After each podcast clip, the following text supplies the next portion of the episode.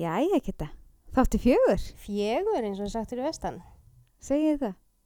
Fyrir vestan, ekki Hva- heima hjá mér eða þú veist, En hvað segið þið, fjögur? Þeir segja fjögur, seitján, nei var það fyrir austan. Já. Fjögur og Það veit allavega að þáttu fjögur. fjögur. Þú ert uh, komið með þessa fínu, fallegu uh, viskirödd. Heyrðu, já, ég er búin að vera svolítið að, ákveða með hvaða rödd ég á nota og mér fannst þessi ógislega góð. Gat eða ég sleppti að taka þátt með þessari rödd. Mér finnst ég svolítið svona, eins og ég sé úr leikúsi. Já, þú vildi meina að vera eins og hann Arnar Jónsson. Svolítið, hann er svona Svo svolítið. hlustuðu við á brot með honum og þú, ég get ekki sagt að setja eins og hann. Jú, jú. Maðurinn kom gangandi Mm, fyrir ganginum með allt niður um sig. Nei, ok, þetta er, þetta er ekkert líkt, en ég veit Nei, ekki þetta er hvað alls ekki líkt. Hann er með svo góða rödd, hann er alltaf bara svona, svona huggulegur eitthvað. ég, þú veist, ég, þegar ég var singul þá ég kannski vilja að hann myndi, þú veist, það hefði verið hugga með því að vera ástasorg. Hann Þetta, verð, þetta verður allt í lagi hérna mín. Ég get ekki leikið svo sem þú gerir, sko. þetta verður alltaf lægi hérna. Svona. Það eru aðri fiskar í sjónum. Jæja, Jæja. Já, þú er bara að læra í kvef, flensu. Heyrðu, já, bara annað skipti á stuttum tíma. Ha. Ég astnaðist til að segja fyrir svona tvei mánuðum við manni minna að ég væri bara búin að vera við hesta heilsu svo lengi. Ekki búin að fá pest í langan tíma. Það var held ég þreim dögu setna sem ég var með hvefpest 1 og þetta er núna Þetta númer er svo herpes eitt. Herpes 2 Já Herpes 1 er uppið eða ekki Herpes 2 niðri Já, sko, ég frétti, þú veist, þegar ég, bróður minn, hann er, hann er, hérna, læknisfræðilega mentaður og hann segi, möndu bara hérna, herpes 1, gott, herpes 2, vond. Hvernig getur herpes 1 verið gott? Það er ekki Það er gott betur en 2. Já, væntarlega En hérna, þú ert líka alltaf í þessum magabólum og mínipilsum og svona. Þú veist, ég er ekki neitt ef ég er ekki magaból sko. Ég veit það. Nei, eh, þú veist, það kom bara eitthvað svona óvænt. Ég held alltaf að það væri bara, þú veist, ofnæmi sem væri að hrjá mig núna sí, Þú veist, dagan áðun ég var bara officially veik. Svo er ég bara búin að vera heima og það er fátt leðilegra Þú veist, það er alltaf leðilt að vera veikur heima en mér mér finnst það alveg bara Mér finnst ég alltaf vera svíkjast undan einhverjum skildum og eitthvað. Og einhvern veginn að hérna ég eigi ekkert að vera, ég er alltaf að leita svona, núna líðið vel þú veit kannski bara að fara í vinnuna veist, Er alltaf lagi með þig? Já, svo er ég bara, þú veist, jú, einmitt, þú ert ekkert veik lengur, svo er ég að vinna bara hjá sjálfur mér, þannig að þú veist, ég veit ekki af hverju ég er að Ég ætla að fara að segja, þú ætla með ömulegan yfirmann. ömulegan yfirmann, en ég er bara, ég er samt búin að vera svona og líka því að það er svo gott veður, Já, það er enda búið að fáránlega gott veður. já, ég finn bara barbecue lyktina í hverfinu og ég seri á svo morgun uh, við borðið hjá mér, allir að grilla og ég er bara heima með hór, Æ. snýti mér bara og Og ef við værim með eitthvað svona tónlist núna, það getur verið svona fyrla að spila Já. undir, það verið geggjað. En þetta er ógislega niðurdrefandi að því líka að þegar það er sól á Íslandi þá veistu alveg að þetta er bara ekkert að fara að endast. Nei. vitum það alveg þú veist þetta gætu verið einu sóladagarnir í sumar. Já, bara ég er meira. að halda það núna í þú veist hvað tvær, þrjá vikur og maður bara, já, nú, verður það að búið. Mm Svo bara kemur alltaf annars sóladagur. Já, en þú veist, svo þegar bara þú að fastur heima, mér finnst alltaf, ég fæ svona, einmitt, ég held að allir Íslandingar séu svona, ég fæ svona sólar, svona maníuköst. Þú veist, þá langar mér bara að vakna og allir að, þú veist, vera sem styrst í vinnunni, fara svo að kaupa ís og ná í sundvöldin og fara í sund og Ganga Kaupa úlfarsfellið já, ganga fellin hérna í kring og, og þú veist, taka nokkra myndir á Instagram og segja hvað þú sért að njóta lífsins í sumablíðinni og, og svo verður að grilla og bjóða fólki í mat og svo verður aftur að kaupa ís og þú veist, borða ísin í sólinn einhver staðar að því að sól alltaf. Mm, það alltaf bara að pakka þessum ísbúðum. já, og svo þegar maður er veikur heima það ég er náttúrulega ekki búin að gera neitt skemmtilegt. Ekkert, Æ, ég er bara búin að ég vera sagði heima alltaf setningun okkar við þig í gær.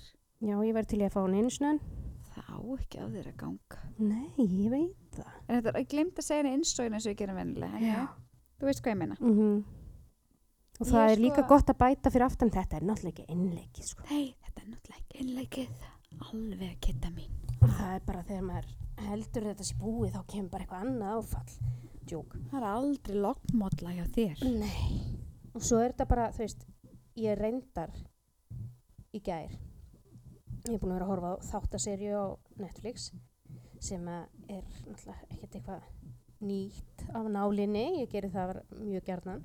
mm. En ég kláraði semst, ég byrjaði að fyrstu seríunni og svo var ég í gær að klára síðasta þáttin í þriðju seríunni sem bara síðasti þátturinn alveg. Og ég hvað var hugsaði alveg margir bara, þættir í hverju ha, hvað er margir þættir í hverju sériu það veit ég ekki. En ég hugsaði alveg bara djöfull er ég mikill vesalingur ég er bara heima og ég horfi á seri eftir seri og ger ekki neitt ég er alltaf með eitthvað svona, er alltaf svona röddin í hausnum á mér sem segir, þú veist, aumingi þetta var ég. Kidda. já, þetta er röddin þín erna þú ert aumingi ég er koma ég- í fyrir hann í skoteli. Þú ert auðvitað hangandi heima á þessu það sóladegi er sól, þú ert að vera í sundi sjúandi upp í nefið með smá hór smá hór, hvað er að þér? drullaður í vinnuna. Yðjuleysingin gerði eitthvað. En þetta er svona, þetta er bara mér finnst þetta vest, það má alveg vera bara þú veist, þegar maður er veikur, mér finnst alltaf leðilegt reyndar, en mér finnst þetta alveg ekstra leðilegt já, ég er búin að sveiflast svolítið úr þessu bara þú veist, aumingi eða aumingi að ég. Ég nefnilega sko en þú veist, finn alltaf fyrir þessu ánami sem að, þú veist, 90% af Íslandingum eru með þetta frökun ánami mm en ég hérna er samt svo þakklátt fyrir þetta geggjaða veður. Já, að því að hérna gott að heyra. það var alltaf í fyrra. Mm. þú reyndar varst svo mikið fyrir norðan að þú fegst að lágættis í veður góða veðrinu. Já, en það var ömulegt hérna.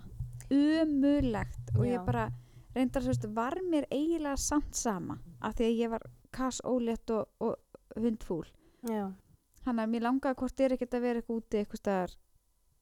Þú veist, ég var bara að reyna að sofa. Mm en ég hérna núna er ég bara maður vaknar eitthvað svo vel og það er eitthvað svo gaman að fara út já, dásamlegt ég Ég fekk bara svona köpnunatilfinningu þegar ég kom út í gær. Ég, ég fór í vinnu og held að allir hefðu saknað mín sem að enginn hefði gert. Ég ég á mig bara svona með fleira fólki. Er enginn tekið eftir ég væri ekki hérna. Og ég held ég komin og allir bara, ertu ekki lasin ennþá? Ég held með sprungna æði í augunum bara, nei, þetta er bara allt að koma. Svo bara tveir tímar þá er ég komin heim. við eru reyndar báða tvær Mm.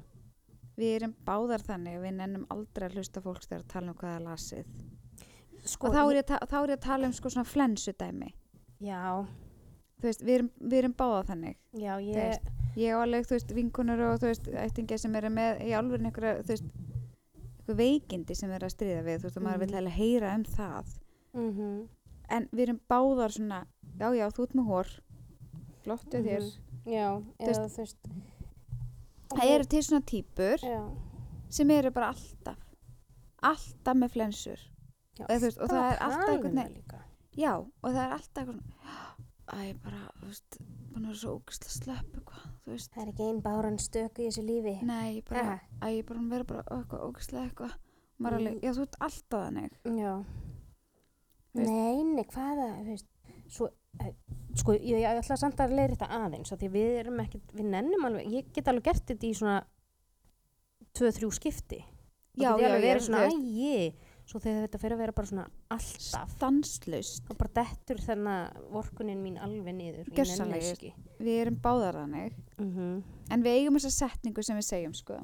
Já, en það er, þessi, það er til þessi típa fólki sem er bara til í að hérna veist, ef ekki til í það er bara hvernig svona já, já, já, ég fekk þessi flensu, hún var rosaleg ég fekk hana, Mhm. mannleg, ok, til hamingju ég, og mér sló niður. Já, helst. Og það er hérna svona fólk sem er alltaf æ, ég veit það ekki. Nei, en þú veist, jú, jú, þessi fólk fær alveg flensur það fyrir bara er óhöfnir en aðrir ég get alveg, þú veist, óhefnari. Æ, þú veist, já, fá. En ég bara hvenar er þetta, þú veist ég er mitt, er ekki ég vil ekki meina ég sé með flensu af því að, þú veist, ég er bara með kvef. En það er sund fólk sem fær ekki kvef nema að vera með flensu. Veist, það er með influensuna svona eins og sé bara með svartadauða það er bara svona, ef við að koma með eitthvað heim til þín? Það væri gott. Eða ekki vera að koma. Ég geti smitað þig. Veistu hvað það er meira pyrrandi það er fólk sem er alltaf þreytt oh. og, mér- og mér finnst og, fólk sem er alltaf að tala um það sé svo þreytt. Mm maður alveg um, veistu hvað þú getur gert í því? Bara fyrir að sofa. Já, emmitt ha? maður er bara svona já, þú veist, þú ert, þú ert þreytt eða þreyttur ég bara, ég skil það alveg, næði því. En Mhm. ertu alltaf frikinn þreyttur eða þreytt? Ég myndi fara, ég er ég tek stundum þetta, ertu búin að láta mælið í blóðið af því að ef fólk er alltaf þreytt og það er engin sjáanlega ástæða þá er eitthvað að. Já, eða þú veist, það er þú veist, er eitthvað kannski að andlega þú veist, er svona, ég var leksi sagt að fólk. Getur verið og sérst bara eitthvað svona þú veist, eitthvað þung á þér eða eitthvað þekst hans ertu svona þreytt? Ertu þunglindisjúklingur? eða bara eitthvað, þú veist en það er þegar fólk er stanslist og ég þekki aðeins svo mikið af fólki sem er alltaf bara ég er bara svo, ég er bara svo þreytt ég er bara ógislega þreytt ég er bara, þú veist, eða maður hittir eitthvað og það er bara alltaf sopna líka að snast eða sopna að tala við mun og þú veist, bara henni maður hverju- gespar þannig að fara tár í augun. Já, veist, það er svona magna ég, ég samt er mjög ofta að geispa. Ég hef tölum um þetta daginn. Mm -hmm. ofta að geispa bara þegar ég tala við þig og mömmu mína. Mm -hmm. og þetta sé eitthvað svona ró sem kemur yfir mig. Já. En þú veist, og svo þú veist, ég bara finna núna þú veist, ég er með unga bát sem er að taka tennur og þú veist, það er ekki þess að sé bara sofi hérna alveg, þú veist, 8-10 tíma á nóttinni bara streit, mm -hmm. þú veist en ég nenni ekki að tala um það að ég sé þreytt. Þá fer ég bara fyrir að sofa. Ég bara, kannski ert að fá eitthvað út úr því ef þú ert alltaf að tala um og sett þreytt. Þá er kannski færið eitthvað svona kikk út úr því allir sé að vorkenna þér. Ég veit ekki. Prófa það en getur bara ekki verið að fólk sem er, þú veist, alltaf svona þreytt getur ekki verið að sé bara eitthvað að. Getur verið og sért með einhvern sjúkdóm nei, þú veist, þá er þú veist, svo oft er þetta saman fólki sem er bara eitthvað "Já, ég held að ég sé bara, þú veist, þeir eru bara blóðþningalið eða eitthvað, sko maður er alveg, uh -huh, okay. -hmm. Ó, hvað er? Ég er bara alltaf með hausverk. Ok, kannski ekki alveg, þú veist, en...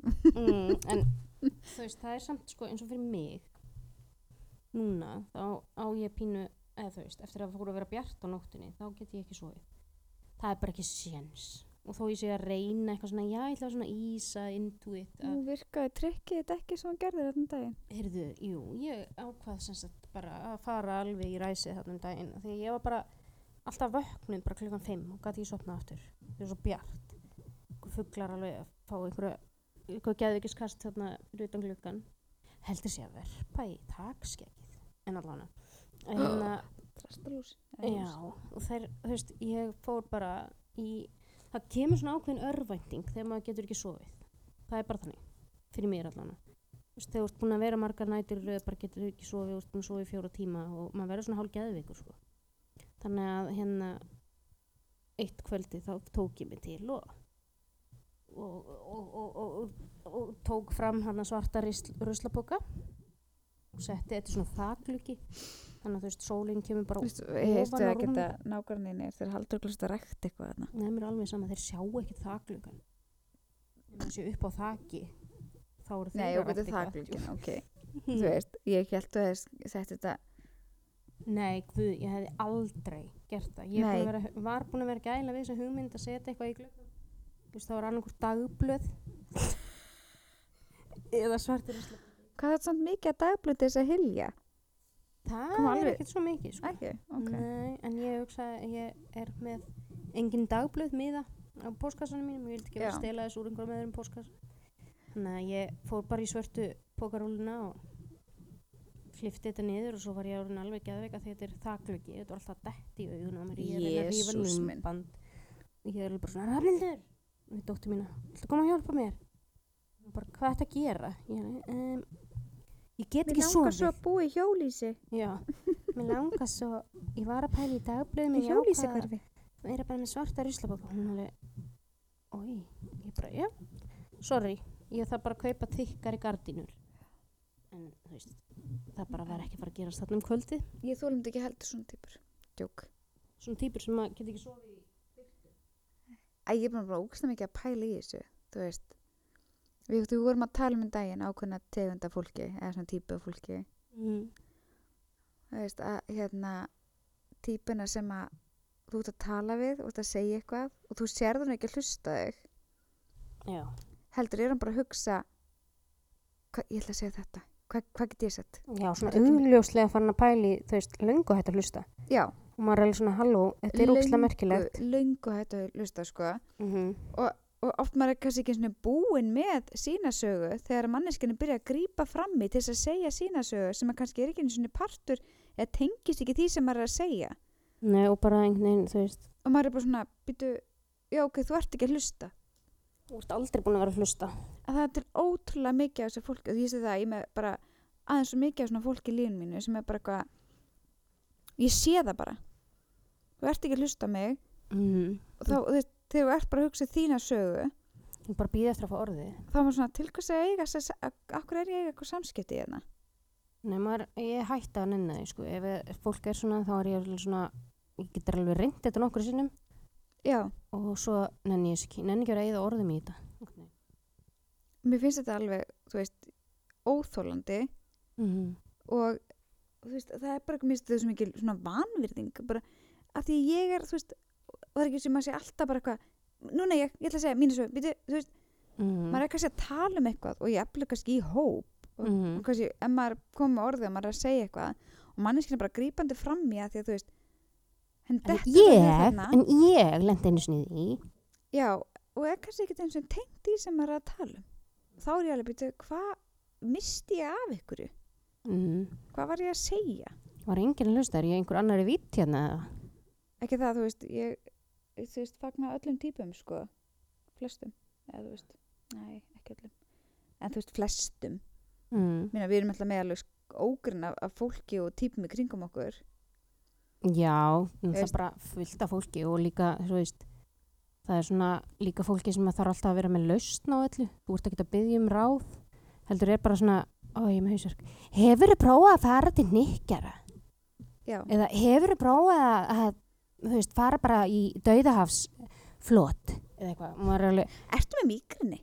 getur verið og sért með, bara þegið, ég er bara með hausverk, látt mig í friði. ég menta mér að núna Já, eða þú veist, og bara svona mér finnst þú alltaf vera það er eitthvað að, ég myndi það er klárlega eitthvað skjálkirtillin eða eitthvað ég myndi láta tjekka á þessu en magnaðast er samt sko að því að maður tala um fólk sem er veikt og svona að því nú er ég meðalega með þetta þú veist, manneskjur í lífinu mínu sem eru að díla við eitthvað veikindi Er það?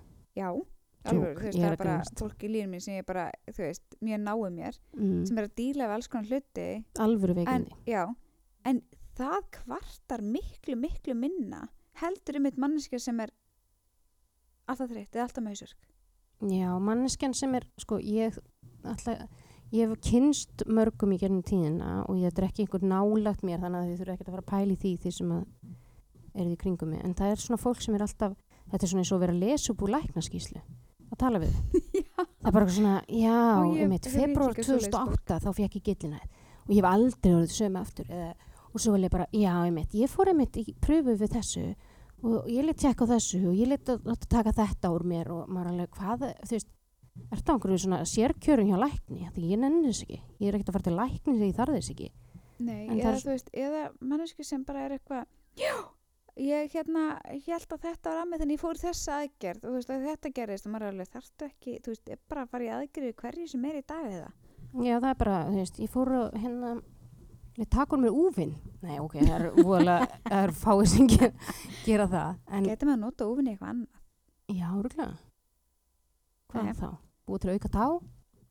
Já, það er hérna svo eru toppararnir sem alltaf toppa sögurnar. Alltaf með eitthvað aðeins verra og mér finnst ógislega gaman þegar maður, því hittir svo fólk að taka hérna. Það er ekki neitt, Einar, frendi minn mm -hmm. sem er, þú veist, skemmtilegt að því á actually, þú veist, frenda sem heitir Einar. Hver á ekki Tvo. frænda sem heitir Einar?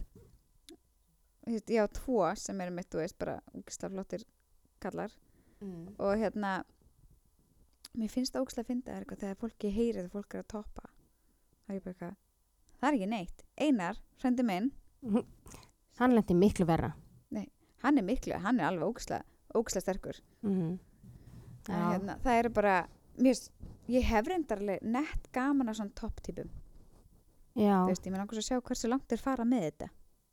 Ég er rosalega erfitt með hérna besservísinni já, sem er bara einhvern veginn alltaf bara uh, nei, það var Newton sem fann þetta upp og fer einhvern veginn alltaf í þetta bara svona, býtið þú sagðir á þarna hérna og það tengist ekkert sögunni og sagðir að Guðmundur hefði fundið sprotan eða eitthvað og maður alveg það tengist ekkert þessari sögu. Já en það er þér maður alveg, úgefsa Ok. fokk þetta er ekki parturinn af sögunni en það er svona fólk sem kemur svona bara ég heyrði varst að tala um á þann að hérna, þessi hefði verið maður svona, já og? Mér finnst líka alltaf með svona patronizing ég held að allir vissu það. Eða, eða típa sem er alltaf, þú veist, með eitthvað vandamál svo er maður eitthvað svona, og svona leitast líka eftir lustnum með eitthvað og kemur, maður segir eitthvað, nei, búin að prófa það nei, nei, það er allt bara maður alveg, akkur þetta byrðum um eitthvað ráðið eitthvað, þú veist, þú er búin að prófa allt og sjá allt og gera allt og það virkar ekki raskat fyrir þig. Eða einhver hefur prófað það og það gekk ekki neitt og eitthvað. Já, Farið bara til það er þú ekki, veist. þú er já, allar, allar að fara að segja þetta? Maður alveg, eh, leið mér að klára nei, ég ætla ekki að gera það núna alveg, ég veit ekki hvað það gerir í þessu næsta málefni á dagskrá, getur við talað um eitthvað annað þú þreyttur, Já. Ertu búin að vera þreyttur í mörg ár? Ok. Hefur þú sofið?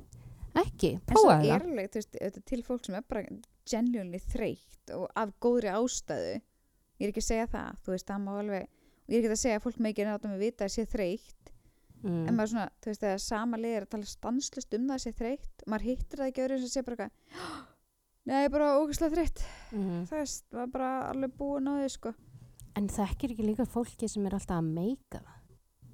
Svona fólk sem er alltaf að vera miljónum ég á enga vini sem meika tjók Nei. Jú, En þú veist, ég er að tala um svona fólk sem er einhvern veginn alltaf að reyna láta alla halda þessu að meika. Já, Það eru alltaf potturinn og pannan í öllum fyrirtækjum sem þið starfi í einhvern veginn. Já, eða liðið sem er alltaf bara já, ég fekk bara svo geggja tilbúið sem bara ég get ekki hefnað þú veist, og bara ég verð að gera þetta maður er alveg, ok, frábær geggja, þú veist, langi með það svo næstum mitt er bara, hvernig fór þetta með já, nei, það var bara, þú veist, maður er alveg Já. ok, eða Mm. alltaf að fara að gera eitthvað massað, bara eitthvað svona já, og búin að segja manni frá því Mm. já, ég fekk bara, hérna, ég er að gera þetta og þetta og þetta Þú Ég er að fara að stjórna þessu og þessu, þessu og hinu En og máli var samt, ég var svona sinni, þú veist, ég var alltaf með geðvika hugmyndir um hvað mér langar að læra og gera og ég var alltaf að segja fólki hvað mér langar að læra og gera. Í Mm. dag bara held ég því algjörlega fyrir mig því að bara, ok, er. Já. Þú veist, Ma- og við erum ekki að segja, þú veist, ég er ekki að segja ég sé eitthvað, ég veit ekki að tala fyrir þig, en ég er ekki að segja ég sé eitthvað fullkomin, ég er pott eitthvað, típa, fullkomin. þú. Hvað sagðir Ég sagði víst ertu fullkomin. Já, ég. Reynda sagði stjúptóttum mín um daginn, hún var um að tala um að hérna, herri, ég sagði það er engi fullkomin og hún bara, uh, jú, ég bara, nei, það er engi fullkomin, hún bara, þú, ég bara, alls ekki fullkomin, sko. Mm. Hvað er ekki fullkomin við þig? Ég heli, svo mikið, treystu mér. En ég sagði, ég, að en, ég, sagði, sjálf. ég er fullkomlega ófullkomin Já. og mér finnst það bara geggjað. Mér finnst það rosa gott, góð kosti þegar fólk leifir sér að vera, þú að vera svo rosalega stolt oft og einhvern veginn bara svona, maður getur farið út í eitthvað óefni með að reyna að láta eins og maður hafi ekki haft rangt fyrir sér eða, þú veist, eða þetta sé ekkert mál, ég, þetta hefur ekkert að segja fyrir mig, þú veist, ég er aldrei sorgmætt, nei, nei, nei, nei, eða, þú veist, ég er alltaf hress, ég er alltaf ég er alltaf hress. Þessi típa líka. Já, Bara, ég er bara geggjað, það er ekki bara allir sprækir? Og svo ferðu grætur í bílnu þínum. Já, nei, bara það gengur ógeðslega vel, það er allt geggjað. Sjaldan verið hamingju samari, ha? Þú veist, að mér bara svona, það er ekkert alltaf allt frábært. Þetta er svo Benedikt Erlingsson, hann að, mér finnst, mér dettur það oft í hug, þegar hann var hann ógæðslega svalur með strákunum á sjó, Já, og kom svo bara- heim og var bara, gerðu það, leið mér að bara, Hún var í ó. fóstbræðurum. Það var ógæðslega fyndi. Já, Ég, það eru svo margir svona, þetta er svona íkt dæmi. Já, það er alveg, þú veist, gaurar eru svona, og þú veist, Maggi, Magnús minn talar ekkert við mig eins í síman þegar vinir hans í kring. Nah, Það er bara svona, blessi, hvað segir þið? Hvað segir gamla? Svona, ok. ok, hættum þessu. Heyri, ég heyri bara í þér eftir. Ok, bye. Svo bara, hæ, Ástin mín. Jók, nei, ok, hann er ekki alveg svona. Drepur mig núna. Nei, en þú veist, ég heyri einhvern veginn á tóninum. Ég heyri Já, líka já, ég- tóninum, þú veist, hjá mömmu og öðrum, þú veist, ef það er fólk í kring. Og þetta er svona, þú veist, þetta er ekki alveg, Vinnuröddin, við tekið það. já. Að vera með vinnuröddina þegar makaður okkar er í vinnu, þú veist. Mm. Ég sko, hérna, Maggi minn er pípari. Þú veist, Ó, alltaf bara í kringum, þú veist, fullt að liði eitthvað. Mm. Þannig að hérna, ég heyri bara svona, kemur vinnuröddin. en svo þú veist, kannski er hann komin til bíð það bara, hei Nidís og svona fýblast í mér. já, þú veist, þá er hann bara eitthvað svona hvað sé, þú? Veist þá er þetta orðið öðruvísi. Mm og þú veist sem er alveg fínt því, en ég ætla sem ekki bjáni að þú veist ég er bara hérna í vinnunni minni það veit alltaf hvað ég er mikill hérna skoppara, ég er alveg bara hæ? Með alls sem þetta allir heyri. Mm. ég er að vinna með það að bjóða hérna ég munum alltaf velkomið þú mætir að vinna með hérna góðan daginn sólskinni mitt Já, það fallegt. hérna, henni finnst það pínu skrítið Það mætti alveg fleiri gera þetta. Ég var alveg til að láta segja þetta um mig. ég hugsa að það kemur vinnuna, bara góðan daginn sólskinni mitt en Það er svo yndislegur dagur í dag. Er þetta bara búið að vera meðan að sólinn er búin að vera? nei, Nei? E, jú, jú, jú, jú, það alltaf bara búið sól núna alveg endalist, þú ætla veist ekki að þetta er lasin en ég sko, en ég er að hugsa mig hérna fara að kvæða hana með hérna Guð verið með þér Já. sjá hvernig hún tekur í það sko Mm Ég ger þetta svolítið í vinnunni líka. Ég er svona, hef stundum tekið sko náð sé meður og friður þegar fólk er að fara. Fólki finnst það full hátilegt og ég er alveg, hvað? Bless! ekki það, þú veist, ég á það, þú veist, flippa hann yfir manna, hún myndi alveg, þú veist, henni finnst alveg fyndið, sko, tekur í þetta.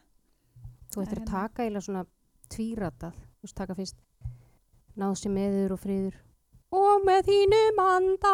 Því langar svo að koma þessu öll inn í hérna. Ég veit það. Ég held að ég hefði bara átt að verða prestur. Getur maður verið prestur á hans að fara í háskóla? Já, getur bara ekki sagt vera, þú veist, andluga prestur. Þú fær líka svona mæk, svona, þú veist, mæk, annarkvæmt svona eins og Britney Spears eða hérna fretamenninni, svona festan framan á þér Já, og það heyrist út um alla kirkjur og það er allir bara, vá! Hún er sko, hún er, hún er, hún er minn aðri máttur. Hún er rosaleg, hún er ekki eins og með mæk, af því að sér það enginn. Það er önnu típa minn ég mann eftir henni. Ég er búin að hugsa það, ég er stempun að hlusta þig. Hérna... Einmitt, þú þú er að býða eftir að koma ég, þess ég, að. núna. Nú, nú, nú, ég er þessi típa. Mm. Nei, það er mislenda típan. Mm. Ég, veistu það, það er eitt típa sem ég bara, ég get ekki og ég bara eiginlega vel að hafa ekki lífinu mínu. Hvað, hvernig þá, mislinda típan? Er það ekki allir Íslendingar? sem þú veist ekki hvort að hilsa þér. Eða þú veist, eða, þú veist og ef, ef hún hilsa þér, þú veist ekki hvort hún hilsa þér bara innilega eða bara svona, hæ, þú veist, þú veist aldrei hvar þú hefur hana Mhm. og ég bara, ég get ekki svona típu. Getur verið ef þú myndir helsa alltaf eins að hún er eins Nei, skiptir ekki máli. Nei, ok. Þú veist, eða þú veist, maður bara veit ekki hvort að manneskja sé ógæslega fúl eða góðu skapi og þetta er bara svona, og svo, svo mikla hæðir og læðir, þú veist, Hægðir milli. og lægðir hæðir og hæðir og læðir, sagði hæðir. Nei, mér bara, mér bara fannst það hefði verið fyndið Hérna- og ég hef heyrt fólk segja þetta. Já, ég, þetta, mér finnst þetta, mér finnst þetta bara svo óþægilegt. Já. Sko, ég vona ég sé ekki þessi mislinda típa. Af því að stundum nú er ég að koma með játningu, þetta er alveg stór játning. Stundum sé ég fólk sem ég þekki kannast við, þekki eitthvað eins og bara í gær. Mm þá var ég eins og ég hef verið dregin upp úr ruslatunnu bara tímindum áður, fór í bankan alltaf svona aðeins að klára smá mál.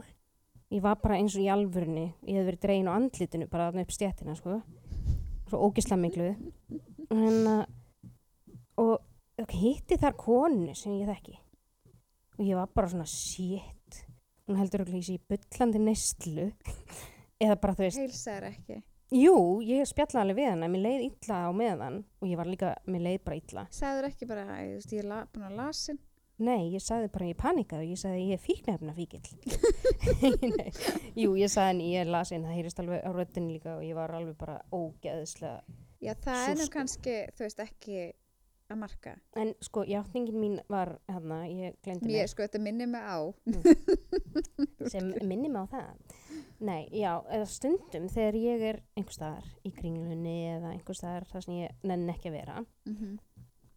ekkert persónlegt gegn kringlunni sko, mér finnst bara leiðilt í búðum.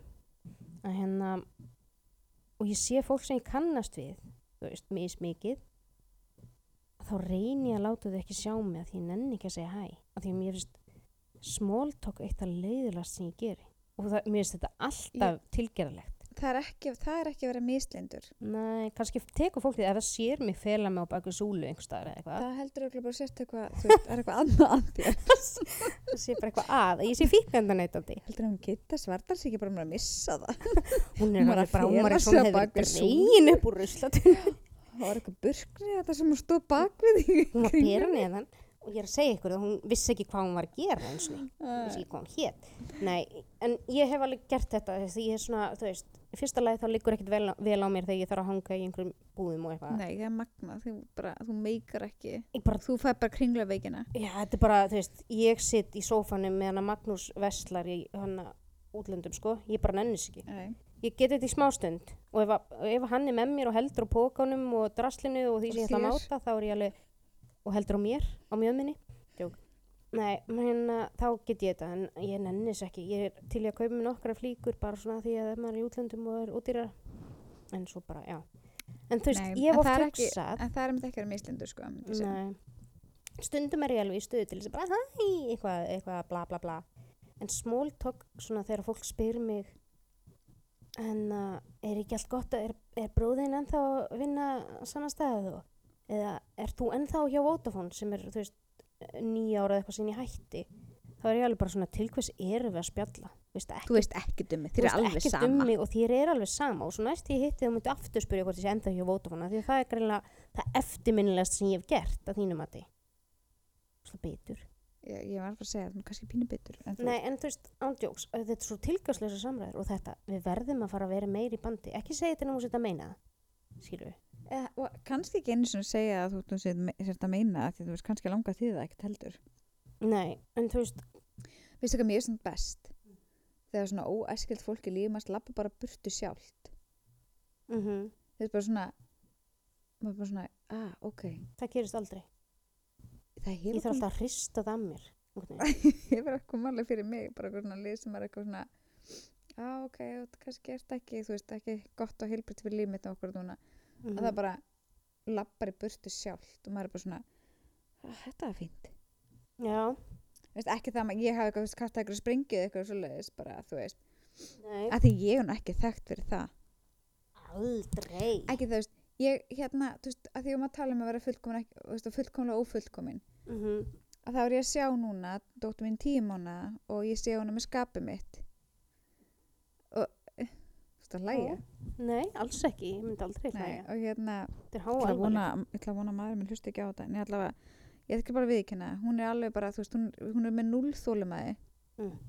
og ég er með, ég er með enga þólumæði Nei, og hérna ég er ógislega fljót upp ég er, en ég fljót niður líka og ég sé að hún er það.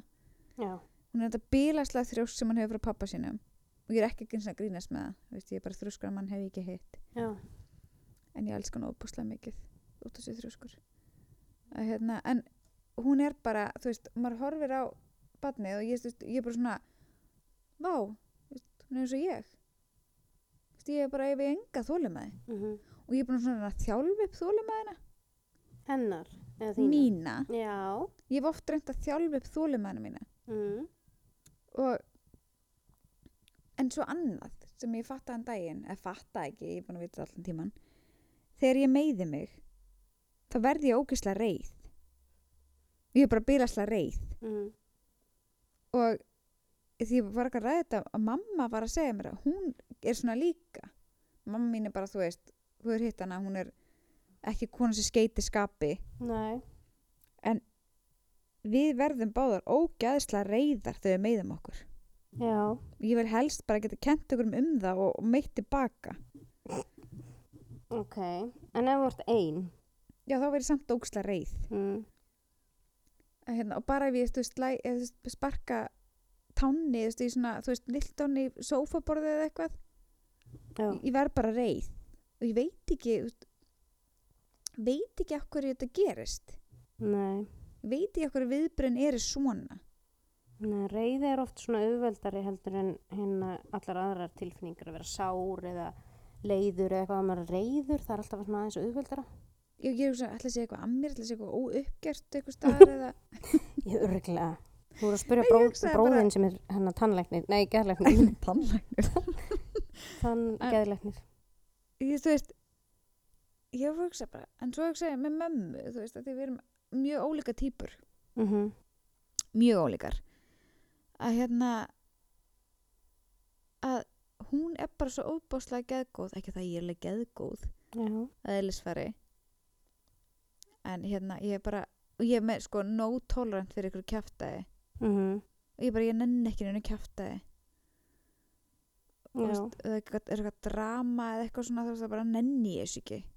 Nei, en hérna ég elska drama, djók, Nei, en þú veist, ég hugsaði bara að sé eitthvað að mér, þú veist, þetta sé eitthvað svona eitthvað sálrænt að að ég bara verði ókslega reið þegar ég meiði mig.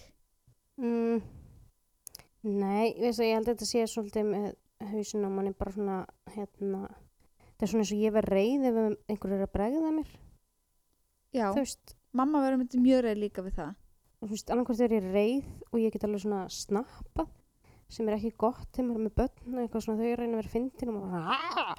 eða þá ég fyrir að grenja veist, þetta er bara svona eiginlega bara 50-50 ég get aldrei verið eitthvað svona "Ha, sniðugt hjá þér, ha, ég er alveg með Ég hjartslátt." þarna tókstu mig nú alveg. Alveg fórstu með mig af því að ég er frekar bara langar að slá krakkan utan undir eitthvað sem ég ger ekki af því að það er bannað með lögum Já, ég man eftir þú segir þetta að einhvern veginn veist, var ég bara sofandi Mm.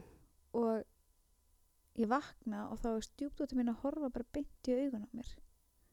Og mér bregður svo rosalega að ég bara öska bara hvað fokk Ó, og hún bara horfir á mig bara fyrirgjöðu, svo bara sagður F-orðið? Og ég bara svona já, hvað er þetta að gera þú veist? Og hún alveg fyrirgjöðu og svo er ég bara að jafnaði mig. Ég bara já, veist, þetta er bara svona viðbröðin voru. Hún alveg þið bara á rosalega. Ég bara svona, við hverju bjóst? Var hún að reyna að bregða það? Ég veit, nei, ég held hún að bara vera að tekka hvort ég væri vakandi eða ekki Já, mitt Það- þú veist, bara svona svo börn gera þau bara, Mhm, þú vaknar, þá er ég bara þarna og hvað þú veist. Mhm. og hérna, en ég var mistið út um mér. Og hún bara, sagður F-orðið já, ég sagði fucking F. Nei, djók, ég sagði ekki. Nei, Það það er góð saga samt. hefði verið segja það. fyndið. En já, það er hérna, mislindafólkið ég get þetta ekki. Nei, þetta er bara ekki verið, þú veist sérstaklega þetta er fólk sem það hittir ekki oft. Já, alltaf svona eins og sé eitthvað að. já, eða bara gerði þér eitthvað. Já, þú veist, kannski er maður bara meðvirkur eða eitthvað, já, kannski líka það, kannski er maður bara meðverkur ég, get ég er bara alveg ekki um það, ég er meðverk sko, ég líka. mjög meðverk þú veist, en hef alveg að vinna í því að vera ekki svona ógeðslega meðverk Já, geði það tekur á, sko. Það er bara, Já, en það, þú veist, en samt í dag finn ég alveg svona munið þegar ég er með svona fólk nálægt mér sem er svona mislind, þá bara nenni ég því ekki nei. sem ég finnst vera ákveðin sigur, sko, bara geta verið bara, æ, herðu, mátt bara eiga þig Og hvað er þetta fólk núna er það? Þú ert búin að snúfa þeim bakinu. Ótrúlega leðilt að margir að segja bara, fólk er bara dáið, djúk Heyrur samt hvað ég get verið dramatísk með þessa rödd. Já, þetta er Hvað er þetta fólk núna er það? Ertu, ertu sorgmæti yfir þessu? Segðu mér er það, Það hvernig hljóma líður svolítið eins og hann Jón Ossallarna Já, mér langar svolítið að vera með svona þáttingmann. Já, Segðu mér, Ernandís, uh, æ, úi, þetta var ógislegt. já, þetta var Hann er- svo er- allar að fara eitthvað að vera Já, þetta var perrast í mér En það er bara því að ég er með kvef. Já En ég, hérna, Ég verði að segja það, ég held að við erum að fá okkur statíf undir þessa mikrofónu. Þú, er ert, þú, ert, þú ert með stati þú bara kannt ekki, það getur ekki festa kannt alveg að festa, það bara getur ekki festa neist þar Já, ég er með eitthvað svona dót til að setja, ég þarf að festa það á einhverju súlu sem er ekki á neinu borði heima hjá mér, ekki hér heldur. Hver myndi samt segja að vera uppáhaldstýpaðin? Sko, mér langar rosalega mikið að segja að það sé típan sem er alltaf í góðu skapi, en það er ekki uppáhaldstípa mín, af því að það fer í töðunar á mig líka, sko. Þegar fólk er svona, að ég er bara alltaf í stöði og ég er svo alltaf í jafnvægi, veist, ég er meira fyrir svona litrika karakteri, ef það má segja sem svo. Já, ég er sammála því, veist, ég er ekki, veist, ég finnst rosalega gaman að vera með fólki kringum mig og mér finnst alveg nöðsynlegt sem er alltaf til að hlæja og hafa gaman. Þú veist, en þetta er samt alveg líka til að setjast niður og ræða við mig um, þú veist, alvarlega hluti og Um þú veist, dauðan. geta farið á trúnó. Já, ég er sammála, ég hérna, og, og þú veist, ég verð að hafa svona kaltara týpur í kringum mig já, þú veist, þegar að hérna ég, og ég á mjög erfitt með fólk sem skilur ekki kalt henni það finnst mér alveg óskilinlegt. Ég Og- get ekki einhvern veginn, bara, ég sé ekki fyrir mér að ég í nokkur hlut sammeilegt með fólki sem hefur engan húmor einhvern veginn og ekki húmor fyrir sjálfur sér. Og það En- er bara, sko, nú vinn ég við það þú veist, að vera, þú veist ég er alltaf í daglegi samskipti við útlendinga. Og ekkert bara eitthvað frá einu landi eða eitthvað. Ég á best þú veist hvað sagði ég, svona mest hérna er best með Amerikunum mm, þeir ná, og bretarnir bretarnir ná alveg, þú veist ég næ húmor þeirra þeir ná húmornum mínum. Mér styrir æði. Amerikanar. Og Írarnir líka mér styrir bara geggjæslega Ég er skemmtilegir ennþá að hugsa um Amerikanarna, þeir eru svo yfirbúrs margir, ekki allir. nei, en það er ekki sko nei, en það er sko me- megnið af þeim sem ég er að reyndar er ég líka með alveg kuna sem eru hérna, How are you? Oh my god, it's What? so nice to meet you. já, emmitt I love you. en sko, þetta er orðið svona fólk sem að þú þekkir Þekkir þau virkilega? Er þetta tveggja daga? þú veist, fólk sem er bara í samskipti við kannski þrjú, fjögur ár Nó, já, já. þú veist, að, hérna, að þá er þetta svolítið svona þá kemur þau, ok, já, þú skilur en það endar, þú veist, um leið og þú veist, oft konar eru komnar yfir og, og fólki er komið yfir 50 þá svona dalar einhvern veginn svona það sem er á sameigilegt með þeim og Mhm. svona Já, en hérna, Amerikanar, þeir sem ég er oft í samskipti við, þeir eru umblá svolítið svona hafa ekkert kannski beint svona clean húmor sem að þú veist hendar mér vel en fólk, hérna er ein þjóð sem ég bara, ég næ ekki það eru hollendingar hollendingar. Já. Ok. þeir eru fyrir mitt leiti bara mín skoðun húmorslausir gjörsamlega Og þjóðverjar.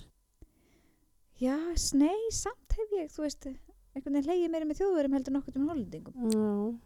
Mér finnst, sko, ég veit ekki alveg, hollendingar, ég man ekki eftir að kynst einhverjum hollendingum sérstaklega.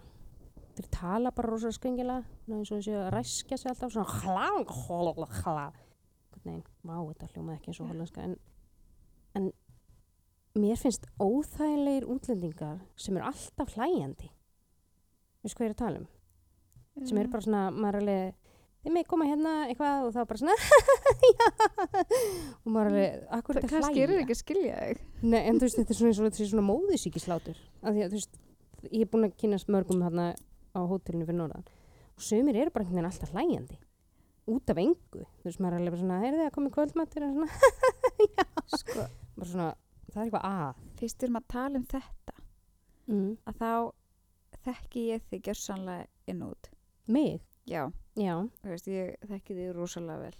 Mm ég hef aldrei séð þig jafn eh, svona ófélagslega Mm. eins og þegar útlendingar er að tala við þig á hótelinu.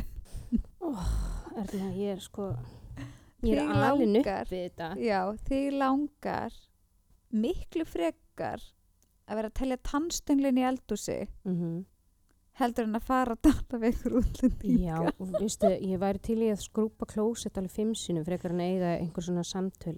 Þú veist að því, eh, hérna, ég var fjögur ára þegar ég flutti hana og mamma og pappi bara opniði hótel hana og, og maður var alltaf, mér leiði alltaf svona og líður enn, þú veist, eins og ég sé svona sýningagripur og fólk sé svona að fylgjast að það er horfið svona á Look at this child, she was raised here by the, these people here Já, þetta er bara fyrstu, frá því ég byrja að tala ennsku, svona, maður var mjög snemma farin að retta sér. Bara, do you live here all the year long? Yes, Yes. we eat mud And where do you, where do you go to school? Og þetta var alveg svona, þetta er svona, svona handrit, alltaf sömu spurningarnar og að vera eitthvað svona alltaf með einhvern eldmóð sva- svara sömu spurningunum aftur og aftur, það er bara rosalega erfitt. En það er sko, Ég nenni því ekki. mér finnst það svo frábært af því að maðurinn, Mm hann er alveg fættur í þetta. Já, við skulum vona að hann fá ekki viðbjóð þessu bara allt í einu eins og ég. Ég bara, einhverju En hann getur bara, hann elskar að þú veist, tala við fólk og, Mhm. en þetta ég bara aldrei, ég man eitthvað tíma var ég þarna með þér og ykkur Mhm. það var sumri til og það er eitthvað fólk aðna og það átti að fá súpuna sína og það var eitthvað staffavesen og það, þú ættir að fara fram með súpuna og þú bara, við erum að fara fram með þessa súpu ég skal gera hvað sem er fyrir þig. Ég, í alvörni, þetta er alveg bara svona og mér finnst alveg bara ég er rosa góð á baku tjöldin sko. ég hérna málaði hérna grindverk og, og hérna svalir og eitthvað og búin að vera að vinna í garðinum og svona, það er rosa fínt fyrir mig, það henda mér mjög vel ég er ekki hérna uh, velkomin á Hótel Djúpavík. Nú fóreldra mínu stofnuðu hérna hótelið árið mí, mí, mí, já því ég er bara komið ógeð Já. af þessu. Ég Og, skil þú það veist, endur ég alveg, vil sko. endilega fá kúna þarna. Ekki taka þessu þannig ég sé bara eitthvað. En ég er ekki að fara að skemmta þið Nei, þú ert nefnilega fín í þvóttahúsinu já, sitjandi þar og þú veist prjóna og þú veist, hlusta á hljóðbækur. Já þess maður geta að Kristján er ekki komin yfir færtusaldurinn eða, eða, eða sextusaldurinn nei, og bara gömur sál? Rúslega gömul sál. Nei, ég er nú, jú, jú, ég er Jú, það þú örugglega. ert gömur sál. En hérna en þú veist, ferðamenn eru aðeinsleir og þeir gera sér náttúrulega enga grinn fyrir því að, að ég sé búin að segja þetta átján þúsund sinnum sem ég er að segja við þá. Og það er einhvern veginn svo erfitt fyrir mig. Ég er rosalega erfitt með það að feika það að ég sé þú veist, bæði með áhuga eða að ég sé, þú veist að ég nenn einhverju, skilur ég var rosalega erfitt með að þykjast og, og, þú, og það er þetta að sjá á þér þegar þú ert búin að fá nóga ykkur já, það er nefnilega máli og það er, þú vilt ekki láta gesturinn líða illa, sko. En Ég ég bara eitthvað svona þetta frábært oh. mér finnst þetta alveg æðislega þegar ég geti séð á þér. Ég er bara ok, getið mér að fá nóg við erum bara heim. Hún er bara komin og ég maggi sér þetta líka og það er alveg bara svona og ég er líka bara þannig veist, og ég og bróður minn hérðin bróðir við erum bæði svona við erum bara þegar veist, hann er í mat hjá okkur eða við hjá honum og þá er bara svona allt í einu þá er þetta bara svona já, við erum að fara. Það þá gott. maður bara fara. Þegar ég teki því ekki illa, hann er bara búin að fá nóg. Og það er bara, þú veist já, ég skil það mjög vel. Þú vilt heldur ekki fólk sé að pína sig? Ég held að ég, ég gæti verið með einhvern svona dass af Asperger, ég veit það ekki. Nei, nei, kannski ekki nei, þú ert ekki með Asperger. Myndir eða þú veist, eða ég sem sagt þekki ekki hvernig er með Asperger eða þú veist, Aspergers. Aspergers. En, en mm, þú ert klárlega með ADHD já, já, já.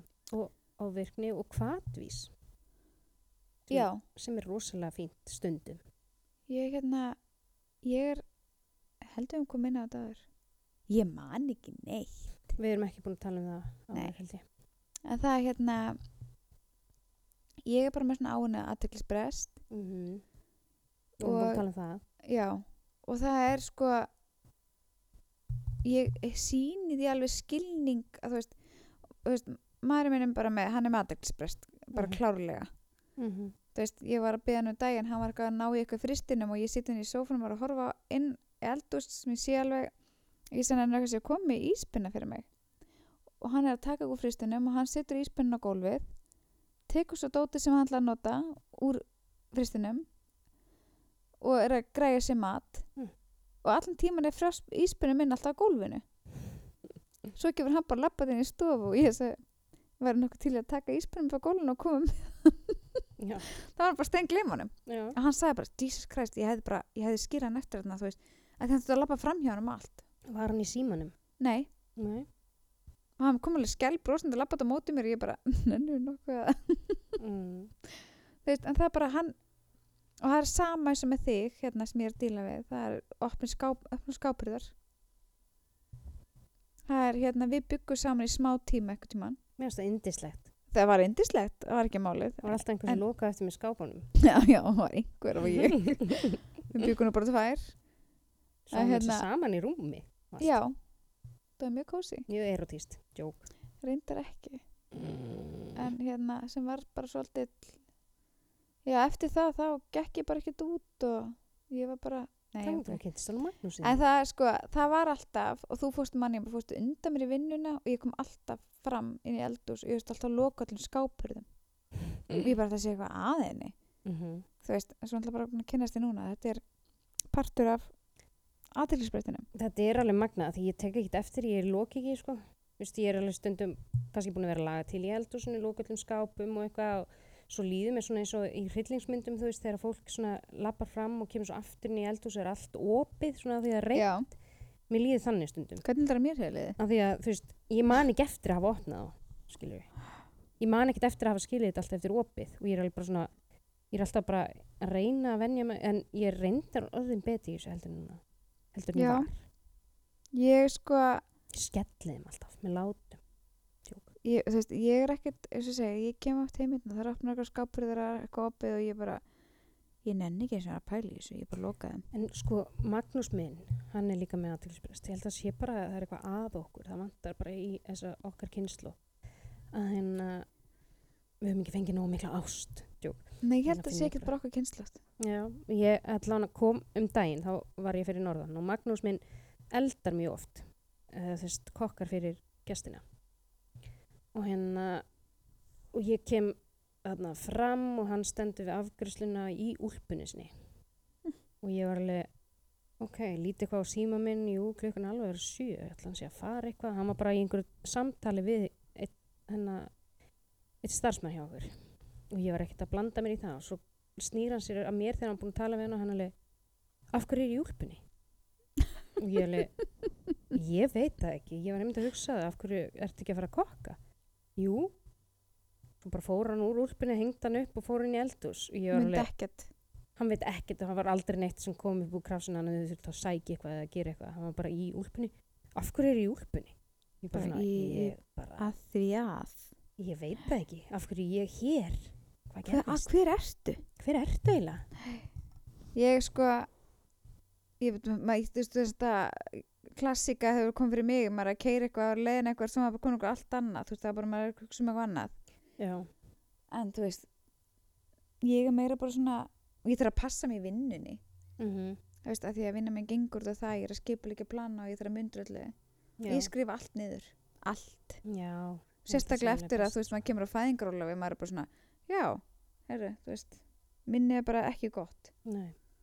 Það hérna, Það er rosa gott að vera skipulaður og það er rosalega mikilvægt. Ég seti eiginlega allt í kalendur orðið. Af því að þú veist það er alveg sama hvað er. Þú ég sé bara að tjekka á þessu eitthvað þegar ég kem heim. Þannig ég geti bara svona tekið út úr hausnum á mér. Ég sé ekki alltaf að hugsa, ég verð munið til þessu, ég verð munið til þessu. Setja bara inn í kalendurinn minn og þá er ég bara góð, þú veist. Og Þá bara fæ ég reminder um kvöldi þegar ég er heima og get tjekka á þessu, þú veist. Ég verð bara að gera þetta. ég, ég ætla alltaf að vera ókslega skipulega með það. En Já. svo er ég bara einhvern veginn, það er allt einhvern veginn, í rým, er bara, þú veist, allt sem ég þarf að gera. Mm. Þú veist, þess að núna, þú veist, ég er reglulega hjá kýrapraktor og ég sko náði eitthvað svona app. Kýrópraktor appið. Já, þú veist, þetta er svona, þetta er núna, heitir það. Heitir það núna? Já, N-O-O-N-A. Já, ok. Og það er bara, sk- þú veist, ef þú panta klippingu og eitthvað svona, þú getur fengið þetta, þú veist, og þá bara get, færði bara að senda tilkynningu, þú veist, og skilaboð, mm. minnið á og Mm. þú vera að mæta innan tíma. Ok. Og þetta er bara mjög sniðugt fyrir fólk eins og okkur. Íslenskt eða? Já. Hvað heitir það særu? Djók. Man, ég neitt. Núna. Núna. Ok. Að hérna, þetta er bara mjög er mjög gott. Mm Af því að ég er alveg típa sem er bara eitthvað, já, heyrðu, ok, ég ætti að mæta fyrir fimm minnur síðan hérna eitthvað Já, ekki ég. upp í Kópavog. Ég mætt og býð úti af því að ég er alltaf snemma. Oft. Já, sko, ég, ég er þannig samt að ég vil vera mætt fyrr heldur en setna. Já, ég er alveg þar líka. Veist, og ég bara, ég þóla ekki að vera sein, ég þóla það ekki. Nei. Og hérna, ég var, því, þú veist það, að ég fæ ekki að gleyma því að ég reif hérna fjölskyldun út þegar þú varst að ferma í fyrra. Já. Þá reif ég hérna fjölskyldun út í þvílíku flýti að því ég ætlaði sko ekki að vera sein. Nei. Og svo þú veist, það var ringsól eitthvað þarna því ég var um alltaf snemmið í Oh, og ég fæ ekki að gleyma þessu. nei, nei, eðlilega ekki. Það er bara að því að Maggi minn er svo rólegur tíðinni. Já, Magnús minni það líka. Ég fann að ljúa á honum að við um að vera mætt, þú veist, hálftíma en að setna. Þannig að við séum komin á, þú veist, ef að partíið byrja hálf fimm Já. og segja að byrja fimm þá erum við mætt svona, þú veist, á þeim tíma sem mér finnst ásættanlegu, skilur. já, að því þú veist, ég var þannig líka þegar ég var í skóla og svona ef ég var sein þá bara fannst mér alveg betra bara að sleppa að mæta af því ég bara, ég meika þetta ekki meika Já. ekki að binna í sein þú veist, og ég er þannig í dag þú veist, ég er að fara eitthvað að fara fundi og eitthvað svona, ég er alltaf bara þóli ekki að vera sein Nei, geta ekki Mér finnst það mjög óþægilegt. þannig að þar höfum við það, ég þóli ekki að vera sein ég reyði, ég meiði mig Mm. hvað það sé eitthvað að mér Það er, uh, nei. Við erum bara misjað eins og þeir eru mörg. En ég Já. held að séu mjög margir þannig að þeir eru, þú veist, sumir eru bara, mér finnst mjög þreytandi að bjóða til dæmis fólki heim sem að kemur alltaf og seint já, og maður þarf að býða með matina því að þessi kemur alltaf og seint. Þá þarf maður eiginlega bara að fara að ljúga þeim líka þetta sé að byrja þarna en ekki.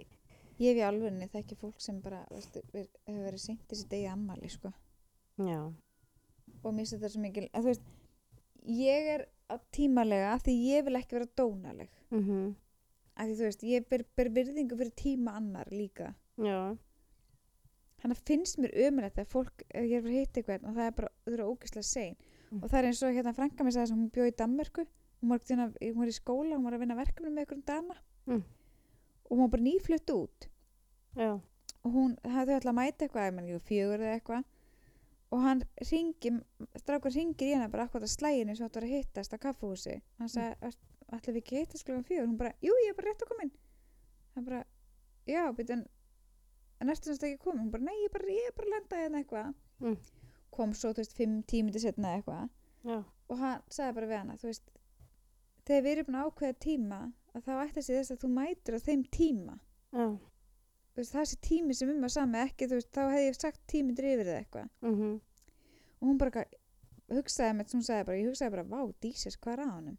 Rólegur, Mm en svo eftir að var alveg auðvita, af hverju þú veist, á, af hverju hann býða eftir mér eitthvað staðar? Já, nokkulega. Ef við ætlum bæði, þú veist, ef að maður vill bara fá að vita veist, hvenar ætlar þú að mæta? Því ég nenni ekki að vera hangandi þarna, sko. já, Hérna, hún sagði, já, ég skildi þú veist, þegar hann var að sagði það, var ég bara, já, heyrðu það er rétt hjá hann auðvitað, ég átti að vera mætt, þú veist, þegar ég segist að vera mætt Mm. en mér finnst þetta svolítið svona Þetta er svona bara, já, mér finnst þetta einmitt vera virðing fyrir tíma annara, veist. Ekki vera bara alltaf einhvern veginn að ætlast til þess að fólk býði eftir þér.